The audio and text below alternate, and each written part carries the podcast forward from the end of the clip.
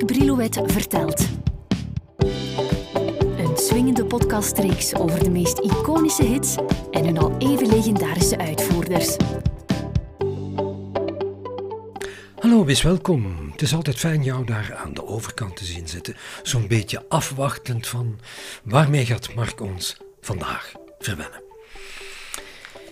Ik beken eerlijk, ik heb als kind heel veel verzameld. Ook veel literatuur over artiesten die ik her en der tegenkwam. Ik kocht, hoe oud was ik, een jaar of twaalf, wekelijks vier tijdschriften over muziek.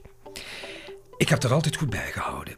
En dan is het achteraf makkelijk als je iets wil opzoeken. Ik had dat, of ik heb dat door de jaren heen mooi geclasseerd. Ik heb hier het parool bij me daterend van, moet even kijken, de 6 november 2019. En daarin schrijft journalist Arno Gelder in zijn interview dat hij had met Urbanus, dat hij zowel privé als op het podium een ontwapenend iemand is. Urbanus gaf in dat gesprek onder meer het volgende toe. Wacht, ik het zo houden, dan kan ik het makkelijker lezen. Door mijn complete domheid en flinke overdrijving in het theater kom ik er altijd mee weg. Mijn humor is universeel. Vertaal het in het Chinees en ook Peking heeft een leuke avond. Het is ook mijn overleving. In mijn geboortedorp diende humor louter om het leven draaglijk te maken. Ik kan de vreselijkste dingen debiteren met een onschuldige kop. Had ik op sociale media gezeten, dan zou ik ongetwijfeld tientallen doodsbedreigingen hebben ontvangen. Je hoort het wel vaker van humoristen dat ze dat podium nodig hebben om zich daar via het typetje dat ze neerzetten te kunnen uiten, zich over hun schroom heen kunnen zetten en ook durven zetten. Het is een soort masker dat ze opzetten. Toen ik met Urbain ging praten, viel me meteen het gemak op en de eerlijkheid waarmee hij dingen zegt.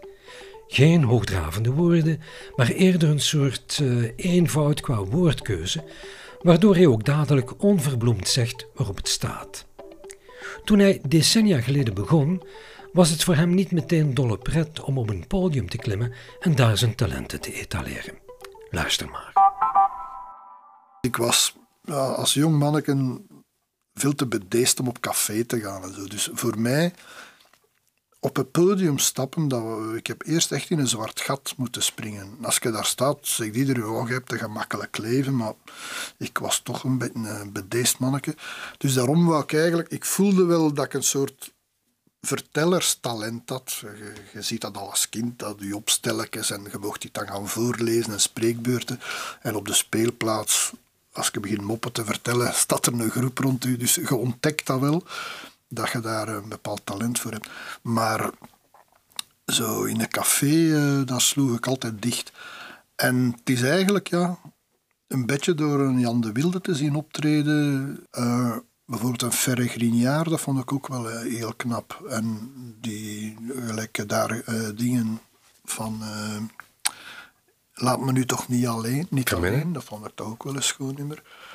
Er, waren, er zullen er waarschijnlijk nog wel geweest zijn. Hè. Uh, Mag eens iets opmerken, uh, Urbain? Dus je gaat, wat die mensen betreft, ergens op zoek naar de betere teksten, de betere muziek. En toch, oké, je doet het parodierend. Ben jij toch de man van, ik ga het heel, heel eenvoudig zeggen, van ik hou van jou en pa, pa. Uh, Hoe komt dat dan? Ah, wel ja, want het is dat, je, je lacht toch altijd een beetje... Allee, bijvoorbeeld ik ben nu enorm fan van, van Bob Dylan of zo, ja, dan heb ook, voel je ook niet de neiging om die mens uit te lachen, want je hebt er bewondering voor. Dus, maar eigenlijk, in de meeste dingen, in de meeste sketchen waar ik zo met uh, iets of iemand lach, is dat toch altijd omdat ik daar toch een beetje voeling mee heb. Uh, uh, mensen die mij van geen haar interesseren, daar maak ik dan ook weer geen grap over. Dus, en ik ben altijd heel voorzichtig geweest om daar te veel de nadruk op te leggen dat ik zo met dat genre muziek zou lachen. Want eigenlijk, uh, ik had dan wel snel door wat bijvoorbeeld een Willy Sommers of Dana Wiener of al die mensen kunnen. Dat kan ik niet. Ik kan wel iets anders, dat zij het dan weer niet kunnen. Maar uh, uh, dat staat gewoon naast elkaar. Het een is niet beter dan ander. Ik ben ook de laatste om denigrerend te doen over K3 of de M-kids bijvoorbeeld. Want als die. wat is muziek? Dat is ja, proberen een emotie over te brengen.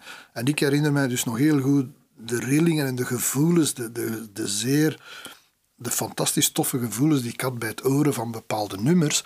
En als kinderen diezelfde trill krijgen van RK3 of M-Kids, ja, wie gaat er dan bepalen wie weg moet en wie mag blijven? Ik vind van zodra dat je dus een aanzienlijke aanhang hebt, is toch teken dat je bij die mensen iets teweeg gebracht hebt.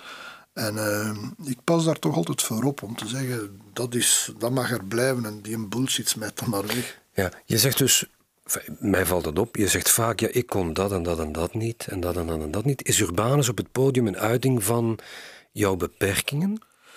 Oh, wel ja, als je dus, ik heb mezelf nooit als een goede zanger gezien, ook niet als een goede gitarist. Ik kon altijd op alle treinen een beetje met een plan trekken, maar ik heb helemaal geen techniek om te zingen. Als ik vier optredens naar elkaar doe, dan ben ik hees. Dus uh, ik ben ergens ook altijd al ja, te lui geweest om daarvoor even scholing te gaan volgen. Dus als ik nu nog, ik weet wel, een do-akkoord en een sol en een mi, dat ken ik nu wel.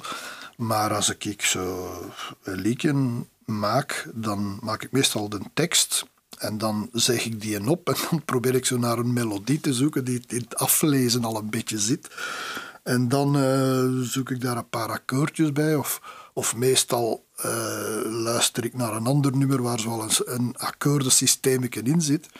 En dan probeer ik mijn tekst daarin te wringen. En er, het grootste werk is ervoor te zorgen dat je dat niet kunt door dat dat van dat ander nummer is. Dus... Uh, maar daar stopt het dan bij mij. Als ik dat dan moet aangeven aan Saban, dan stap ik daarmee naar iemand die muziek gedaan heeft. Die, die wijzen me dan ook, zeg, kunnen daar niet wat bij zetten? Want ik herinner me met de opname van mijn eerste plaat, dat was nog met Lamp en Lazarus, Guido van Ellemont en Wim Bules. Die gingen die plaat uh, produceren en arrangementen maken. Maar ik begeleidde altijd mezelf op mijn gitaar, dus ik was altijd goed bezig. Maar uh, ik had daar een nummer dat kwam uit De Wereld is om zeep. En er was zo'n zinnetje waar ik zong. Mijn moeder is de straat opgelopen. En voor mij klopte dat. Die mannen zeiden, wacht een keer, dat metrum klopt hier niet. Om het, om het te doen kloppen met de volgende zin heb ik er moeten bijzetten. Mijn moeder, dat goed mens, is in het midden van de nacht vol paniek de straat opgelopen. Dus ik hoorde dat gewoon niet. En later nog, hè, uh, als Jean Bluit, als ik moet inzingen bijvoorbeeld, dan moeten ze zoveel mogelijk instrumenten van die een band gooien. Want alles stoort mij daaraan. En uh, als ik zo... Ja, ik speelde dan ook zelf mee gitaar, maar omdat dat toch geen vet was, was daar compleet een vod rondgedraaid. Maar ik kon toch... Ja, ik kon eigenlijk min of meer mijn maat houden. En als ik ook die vingerzettingen deed. Dus... En in optredens heb ik dat ook soms. Godver, ik weet mijn volgende zin niet. En je pakt dat akkoord, dan is die zin er wel. Dat, dat hangt zo in je hoofd aaneengelinkt, die handelingen. Als je dat dan splitst, dat je... Ik zeg nu niet dat je in een zwart gat valt van 10 minuten. Dat zijn fracties van seconden. Hè. Maar eh, als ik in de studio moest inzingen, dan, dan deed de Jean Bluiten zo gelijk dat, een dat je een auto gaat parkeren en met zijn handen tegen je zit er tegen. En bij ons was dat afspraak, als zijn handen bezig moet ik beginnen zingen. En, uh, want als hij de maat sloeg, ja, dan, dan zat ik naar zijn vinger te kijken, maar dat was nooit... Maar hoe doe je dat dan live? Want dan moet je dan maar zelf maar live speel ja, heb je gitaar, zelf. Maar toch. En als ja. ik, uh, dus met een orkest zou jij niet goed uit de voeten kunnen? Ik, uh, ik heb dat eigenlijk nooit gedaan. Dus ik heb daar ook nooit drang naar, allee, goesting voor gehad.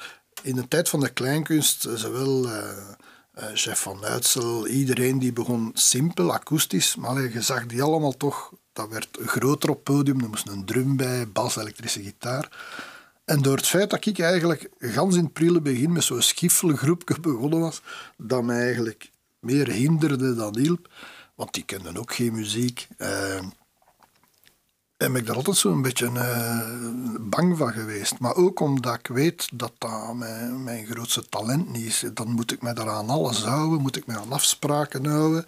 Anders weten die jongens niet wat er gaat gebeuren. En als ik daar helemaal alleen sta, en ik voel, oei, oei, dat is hier zo. Het publiek die kunnen met dat genre grappen of dingen helemaal niet lachen. Dan kan ik me zo wel wat aanpassen. Maar ja, als je daar iets anders gerepeteerd hebt, is dat wel moeilijker. Ben je zo'n Einzelganger? Dat dat zelfs zich zo uit dat je... Ja, ik voel mij veiliger gans alleen op het podium dan met een heel... Maar waarom? Dat, dat moet toch... Maar ik, ik kan dat wel hoor, als dat niet... Ja. Ik, heb, eh, ik was eigenlijk enorm vereerd toen dat Stef Camille Carles van Citassoen had mij gevraagd om, om samen met hen een paar nummers te doen op Dranouter. En eh, zij speelde dan eh, twee nummers van mij. eh, weet het niet meer. eh, is nu De Wereld is om zeep, denk ik. En nog een nummer. En dan ben ik bij hen thuis geweest. Zij zijn eens bij mij geweest. En we hebben dat dan een beetje zitten repeteren. En dat ging. Ik wist ongeveer waar dat ik zat. Maar ja, dan zit, kom je daar ineens in zo'n gigantische tent. Met, met ik weet niet hoeveel mensen. En ja, er was toch iets mis met die monitoring. Want eh, alle signalen hoe dat ik moest beginnen zingen. Ineens staat de Camille Stef daar met zijn gitaar. Dat was al wat ik hoorde. Ben ik daar maar beginnen zingen. Maar die mannen hebben de reflex om zich onmiddellijk aan te passen aan mij.